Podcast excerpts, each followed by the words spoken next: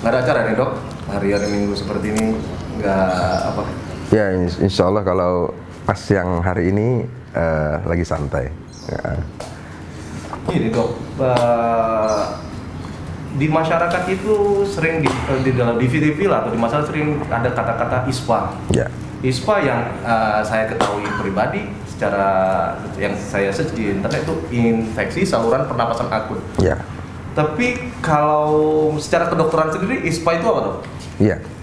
Jadi ISPA itu diadopsi dari bahasa Inggrisnya itu URTI ya, U R T I ya. Jadi sebenarnya yang benar adalah upper respiratory tract infection atau eh, itu disebutnya kalau dalam bahasa Indonesianya adalah infeksi saluran nafas atas ya. Jadi eh, infeksi saluran nafas atas ini merujuk bahwa terjadi masuknya kuman baik virus atau bakteri di saluran nafas atas. Nah, saluran nafas atas itu yang termasuk itu adalah mulai dari hidung ya, kemudian mulai masuk ke dalam sampai ke makin ke dalam sampai berakhir di tenggorokan. Karena kalau sudah di bawah tenggorokan dia namanya bukan URTI lagi, bukan upper lagi, ya. Dia udah lower kan. Nah, jadi ISPA simpelnya adalah infeksi atau masuknya kuman yang terjadi di saluran napas bagian atas. Seperti itu. Jadi ISPA itu sendiri infeksi saluran pernapasan atas. ya atas. Jadi kenapa kadang-kadang disebutnya akut? Ya karena memang biasanya terjadinya akut. Kalau dalam kedokteran itu akut itu disebutnya eh, dalam apa dia terjadinya mendadak lah. Periode yang singkat, merujuk pada periode yang singkat, terjadinya eh, dalam waktu yang sebentar ya. Nah, lawannya kan kronik tuh. Kalau kronik berarti dia lama infeksinya, lama. Nah, kalau eh, akut dia ter- eh, terjadinya sebentar. Dan biasanya memang infeksi saluran pernapasan yang terjadi di atas ini terjadinya nggak lama kan? Jadi memang memang identik lah namanya. Kadang disebut infeksi per- saluran pernapasan atas atau infeksi saluran pernapasan akut. Tapi yang lebih tepatnya sih ya itu merujuk eh, lebih tepatnya infeksi saluran pernapasan atas. Bagian atas ya seperti itu. hidung. Hidung, kemudian tenggo- kemudian uh, saluran antara telinga dan hidung, kemudian uh, turun lagi ke bawah ke tenggorokan, nah, hingga batasnya di situ. Iya, iya, Jadi itu sebenarnya arti dari iya, ISPA itu. Dan, dan memang kejadiannya memang ya. Kalau tadi dibilang bahwa sering mendengar, ya memang sering terjadi. Itu adalah eh, secara epidemiologi, artinya secara data statistik memang kunjungan terbanyak eh, pasien-pasien bukan hanya di poli paru saja, tapi di poli umum itu yang paling banyak adalah eh, infeksi saluran pernapasan atas ini. Itu eh, selalu menduduki peringkat teratas sehingga eh, ya wajar kalau memang kita jadi sering mendengar ya, sering menemukan di media ya seperti itu. Memang banyak. Ah, seperti yang dokter tadi katakan bahwa ranking tertinggi dari pol, apa namanya kunjungan para pasien itu adalah ISPA. ISPA. Itu dok kira-kira jenjang umurnya ada nggak dok yang oh umur segitu rentan terhadap ISPA atau memang apakah secara global atau gimana dok? Jadi secara umum ini bisa dikatakan bahwa ISPA ini adalah eh, infeksi yang bisa menyerang semua usia, semua batas usia. Nah, tetapi ada satu hal dalam ISPA ini bahwa dia eh, dia eh, erat kaitannya sama daya tahan, daya tahan yang jadi manusia normalnya ada daya tahan, ada daya tahan terhadap infeksi. Nah, pada ISPA ini biasanya terjadi pada orang-orang yang daya tahannya sudah mulai turun, ya, turun atau belum baik. Sehingga kalau di, di harus kita pilih ada kelompok umur yang paling sering ISPA, ya mestinya itu adalah anak-anak dan orang yang sudah tua ya, nah, gitu. Tetapi sekali lagi dia menyerang semua usia, karena daya tahan seseorang bisa turun bukan hanya karena faktor usia, tetapi banyak faktor lain. Ya, intinya eh, kalau eh, kalau kalau harus ditanyakan faktor usianya, ya biasanya pasti lebih rentan po di anak atau orang tua. Nah, contohnya di poli anak aja, itu kan banyak sekali itu eh, diagnosisnya hampir semuanya ispa-ispa semua itu, ya, Ya, men- jauh lebih, lebih banyak daripada diagnosis yang lain, ya seperti itu. Jadi kan biasanya kan eh, ISPA atau apa sering dihubungkan kalau kita lihat TV misalnya terjadi kabut asap Iya. itu akan berhubungan dengan ISPA sering oh terjadi masyarakat terhindap ispa itu memang berhubungan banget dengan, Iya. dengan kondisi udara atau apa? Iya baik. Jadi memang eh, ISPA ini kan eh, suatu peradangan atau infeksi yang terjadi di saluran napas bagian atas. Kita tahu bahwa apa namanya hidung kita ini eh, apa sangat apa tuh sama dunia luar itu ya sangat sangat erat ya. Nah, jadi sedikit saja sesuatu yang terhirup dari kita itu yang nggak bagus, yang bisa menimbulkan sesuatu yang nggak- eh, tidak baik, maka bisa saja dia menimbulkan ispa. Jadi anggaplah kita ambil contoh, kita sering sebut misalnya polusi, ya. Polusi asap yang seharusnya tidak normalnya tidak terhirup, ini terhirup masuk ke hidung, ya. Kemudian debu, ya. Kemudian la- lagi ada apa namanya? Kalau makanan ya, contoh kita sering dengar kalau makan gorengan ya, nah, makan gorengan. Kenapa bisa begitu? Karena dia kan secara eh, mudahnya gorengan atau minyak itu akan menyebabkan iritasi atau peradangan di tenggorokan kita.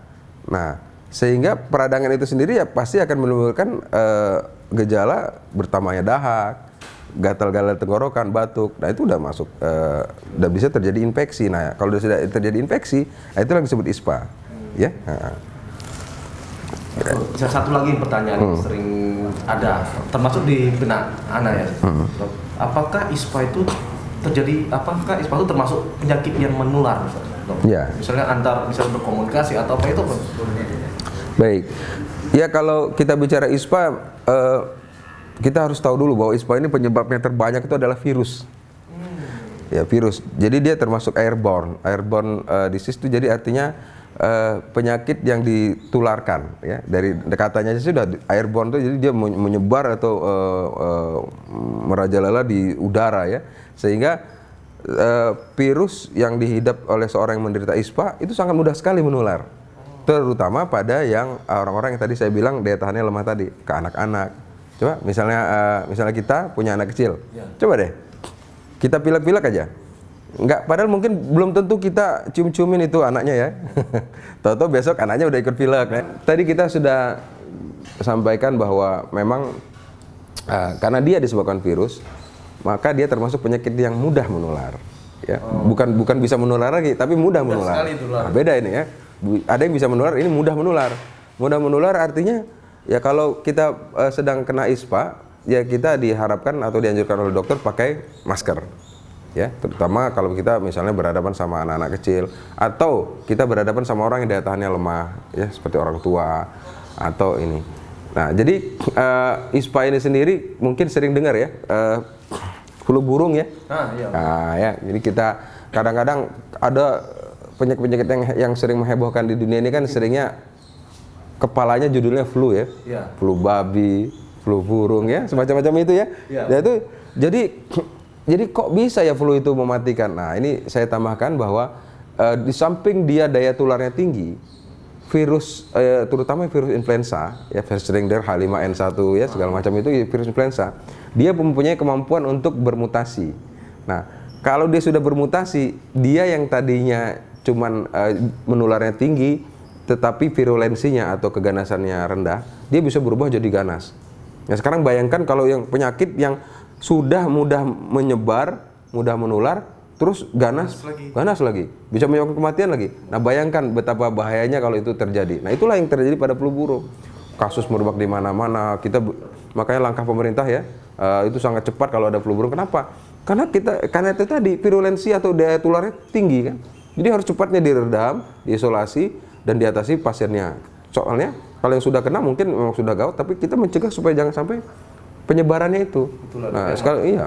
Jadi Selain dia penyebarannya penyebarannya cepat, iya. satu lagi kalau dia bermutasi, mutasi lebih lebih parah lagi.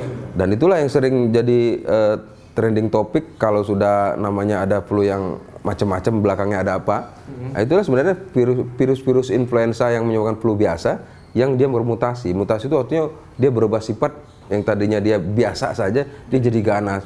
Ya bahkan eh, bisa bisa malahan eh, di antara 10 yang terkena flu burung misalnya ya. eh, itu itu bisa s- da- 8 atau 9 yang meninggal. Nah, ya, jadi sangat berbahaya memang kalau sudah ya. Kalau jadi kalau sudah virus bermutasi, Iya. jadi lebih kebal, Iya. lebih ganas ya. Iya. Tapi dok, secara umum gejala-gejala kita kan kadang-kadang awam. Ini termasuk ISPA enggak ya? Hmm. Gejala-gejala yang bisa kita lihat dari penderita kalau dia terkena ISPA itu apa dok ya? Ya. ISPA eh, kita kita identikan bahwa ISPA itu kalau bahasa lainnya ya. Kita sering mendengar kata flu ya. Oh. flu. Nah, kan kenapa flu? Nah, itu sebenarnya flu itu adalah bagian dari ISPA. Jadi ISPA kan infeksi saluran pernapasan atas. ya. Salah satunya itu adalah yang flu tadi kita sebutkan, ya flu biasanya. Nah, ada istilah namanya flu-like syndrome. Flu-like syndrome itu artinya sindrom yang eh, mirip seperti flu. Nah, apa itu gejalanya? Yaitu tadi kita kadang-kadang merasa bahwa badan pegal-pegal, mungkin agak meriang-meriang, gitu ya. Nah, jadi nggak harus bahwa ISPA itu dia dia harus batuk pilek. Nah, ya nggak mesti ya batuk pilek. Jadi kadang-kadang dia hanya eh, hanya meriang-meriang, nggak enak badan, atau mungkin pusing, ya itu bisa bisa udah bisa itu gejala ini. Ya. Nah, memang untuk awalnya mungkin bisa bisa seperti itu aja. Nah, tapi kalau dia sudah mulai yang khasnya dia ya itulah kadang-kadang hidung berair, pilek gitu ya. kemudian ah, hidung tersumbat, kemudian tenggorokan mulai rasa kok tenggorokan rasanya kayak ganjel.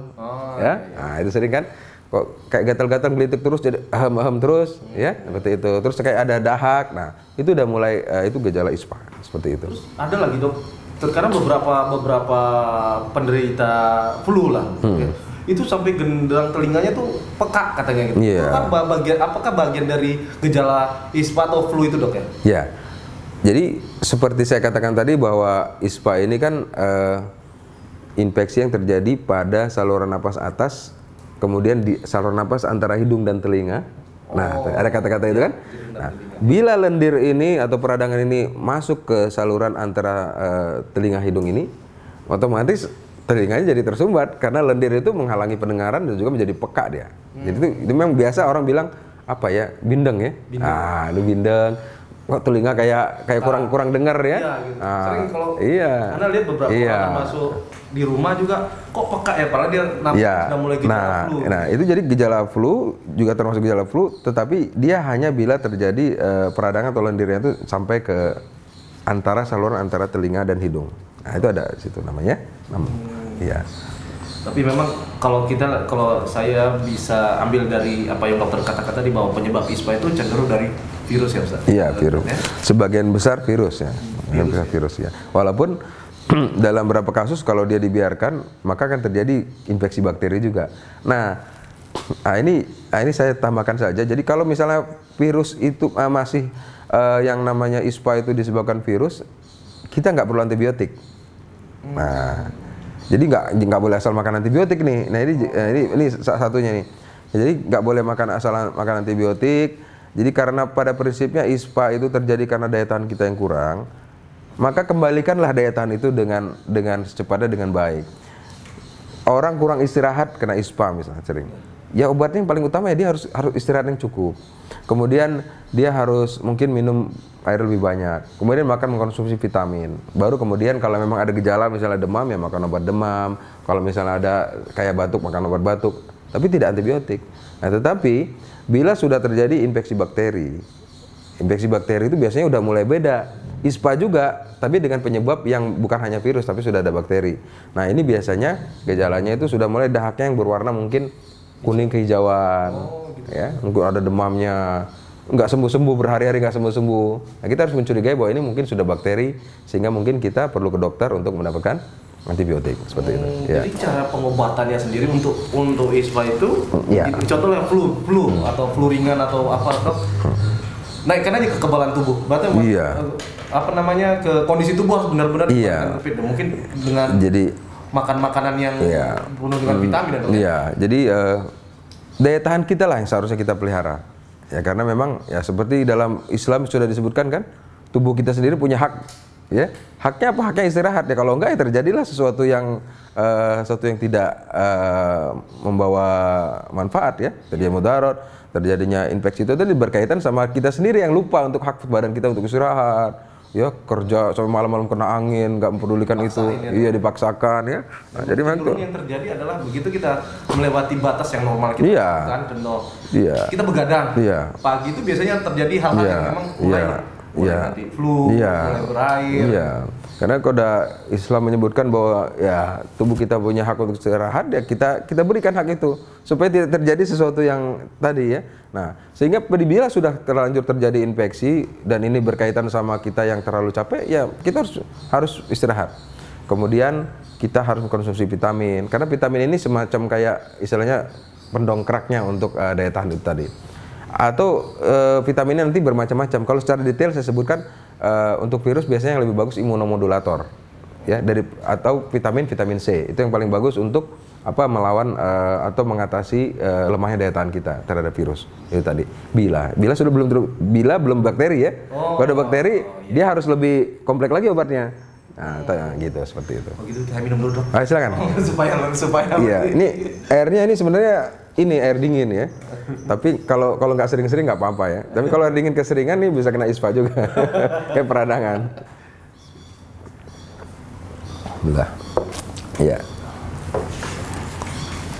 Jadi gitu ya. Jadi banyak sebenarnya jadi kalau kita ambil secara garis besar uh, dari dokter dan dokter sendiri untuk mencegah ISPA itu cenderung apa? Apakah menjaga tahan daya tahan tubuh untuk untuk dari yang dari luar dok. Yeah. Eksternal mungkin kita menjaga daya tahan yeah. tubuh dengan minum vitamin yeah. hmm. atau dengan makan buah-buahan hmm. yang, yang banyak vitamin sih. Istirahat yang cukup nah, ya. Istirahat yang cukup. Hmm. Kalau secara yang dari eksternal gimana dok? Eksternal tentu saja kita eh, yang paling penting adalah mencegah jangan sampai kita dekat dekat ya oh. sama orang yang sedang flu Ya, walaupun ya mungkin eh, ini agak sulit karena sebenarnya inisiatif untuk mencegah uh, penularan sebaiknya datang dari uh, saudara kita yang sedang sakit. Jangan memberikan. Iya, karena kalau inisiatifnya datang dari yang dari yang tidak sakit, jadi seolah-olah nanti menjauhi kan jadi kesannya jadi wah oh, ini kok apa aja? Nah itu padahal jadi harusnya ini semacam kayak nasihat buat masing-masing diri kita. Bila kita sedang sakit maka sebaiknya janganlah kita menyebarkan kemudaratan itu buat yang lain. Ya kita pakai masker gitu ya. Selain kita memberikan hak diri kita sendiri kita juga memberikan hak orang lain untuk tetap sehat seperti itu. Nah, itu lebih baik kan seperti jadi, itu. Uh, menjaga diri kita ya. supaya tidak memberikan kemudaratan ya, orang lain. Juga juga tadi karena ada penyebab ispa itu yang dari luar misalnya ya makan misalnya ya, ya jangan banyak kan makan gorengan gitu ya. Itu benar karena orang sering kalau ya, jangan makan gorengan dokter nasihatin. Bukan apa bukan gorengannya jelek tetap belum tentu. Tapi minyaknya itu itu sering sering menurunkan pada orang yang kadang terutama orang yang peka maka tenggorokannya akan mudah terjadi peradangan. Tiba-tiba ada dahak tiba-tiba nyeri tiba-tiba gatal segala macam seperti itu. Minuman es juga jangan terlalu sering ya kayak gitu. Kalau yang dari luar ya. Kemudian polusi ya polusi. Hmm. Mungkin kalau yang suka naik motor ya pakai masker, pakai masker seperti itulah kurang lebih. Apa tahu itu saudara kita kan banyak yang bekerja di industri ya. Iya. Nah itu, nah itu ya kalau dibilang sama supervisor harus pakai masker ya pakai, gitu ya kan sering ada yang nggak pakai masker, akhirnya jadi jadi batuk-batuk, nah seperti itu. Jadi ya. janganlah menjolimi diri sendiri. Ya menjolimi diri sendiri atau mencoba-coba melanggar peraturan karena mengikuti seolah-olah dia tahu padahal tidak tahu gitu ya memiliki uh, memiliki sesuatu yang tanpa ada pengetahuan. Ah, ini saya kayaknya nggak apa-apa nih, saya nggak pakai masker di kerja di sini, akhirnya nggak pakai. Ya. Itulah pokoknya prinsipnya apa saja yang sudah digariskan dalam agama kita, kita langgar-langgar pasti ada sesuatu yang bakal terjadi. Ya, salah satunya gangguan di bidang kesehatan ini tadi. Masya Allah. Ya. Alhamdulillah uh, pembicaraan kita hari ini banyak Alhamdulillah. Uh, memberi wawasan atau yeah. pengetahuan bagi anda mungkin bagi pemirsa SNTV yeah, umumnya. Jadi kita tahu sebenarnya ISPA itu apa, yeah. pencegahannya hmm. dan uh, gimana dia ber, ber yeah. apa namanya menyebar. menyebar. Alhamdulillah mudah-mudahan ini berguna bagi seluruh pemirsa SNTV Amin. dan kita juga bisa mengambil pelajaran yang berharga. Yeah. Alhamdulillah terima kasih dok. Yeah. Uh, Anda sangat gembira bisa bisa mendapatkan ilmu ini. Alhamdulillah. mungkin itu aja dok. Assalamualaikum ya, warahmatullahi wabarakatuh. Waalaikumsalam warahmatullahi wabarakatuh.